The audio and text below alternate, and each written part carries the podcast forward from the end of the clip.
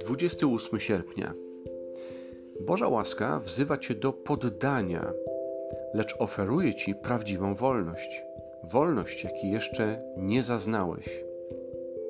Myślę, że źle pojmujemy zarówno prawdziwą wolność, jak i wyniszczającą niewolę. Wolność, która zadowala nasze serce, nie rodzi się wtedy, gdy to my sami stajemy się dla siebie autorytetem. Prawdziwej wolności nie znajdziemy robiąc to, co chcemy i kiedy chcemy. Prawdziwej wolności nie znajduje się umieszczając siebie samego w centrum świata i żyjąc tak, jakby chodziło tylko o nas. Nie znajdujemy prawdziwej wolności opierając się wezwaniu do uległości wobec jakiegokolwiek autorytetu poza nami samymi. Prawdziwa wolność nie pochodzi z tworzenia własnych reguł moralnych. Nie przychodzi wtedy, gdy w końcu udaje nam się postawić na swoim.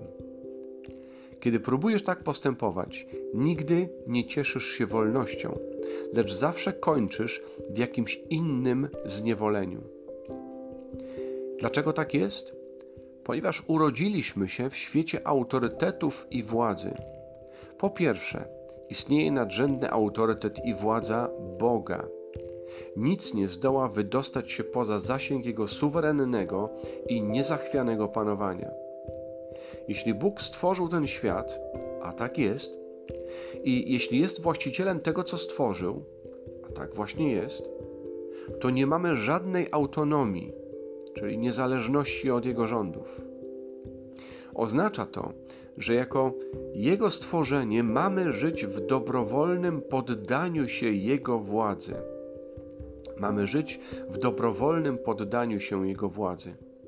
Wobec tego wolności nie znajdujemy, unikając jego autorytetu, lecz chętnie poddając mu swoje serce. Następnie są wszystkie poziomy ludzkiego autorytetu, które Bóg umieścił na świecie, aby jego władza była widoczna. Wolności osobistej nie znajduje się też w, e, w sprzeciwianiu się ludzkim autorytetom. Wolność i autorytet nie występują przeciwko sobie Ważne, by pamiętać, że wszyscy zawsze znajdujemy się pod czyimś autorytetem. Albo chętnie poddajemy się rządom Boga i autorytetom, które On ustanowił w naszym życiu, albo sami siebie uznajemy za władców i zarządzamy naszym życiem według własnego uznania.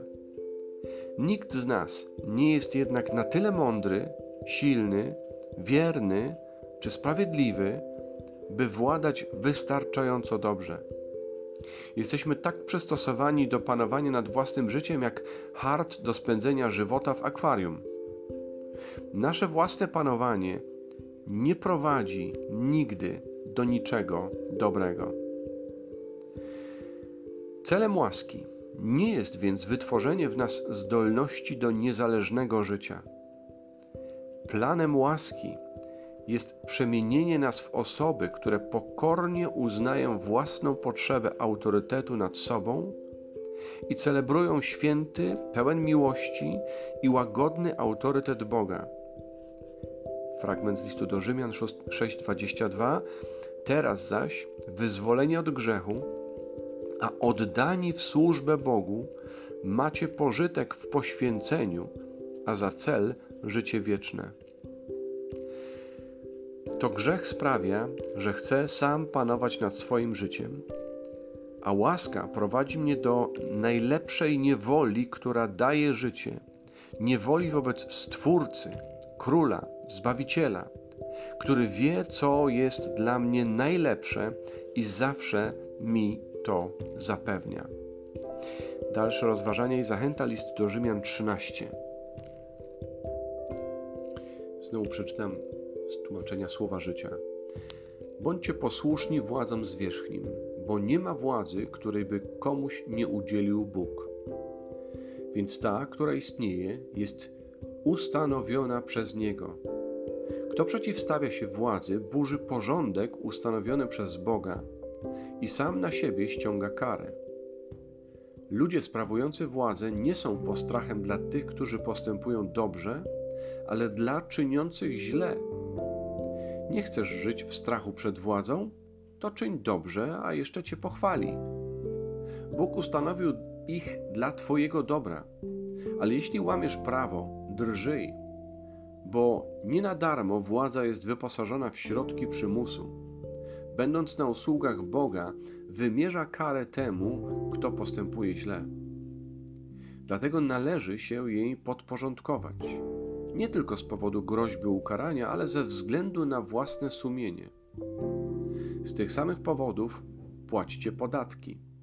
Urzędnicy państwowi muszą bowiem mieć utrzymanie, aby mogli pełnić zleconą im przez Boga służbę. Oddawajcie więc każdemu, co mu się należy. Płaćcie podatki i inne zobowiązania oraz okazujcie respekt i szacunek tym, którzy na to zasługują. Miłego dnia.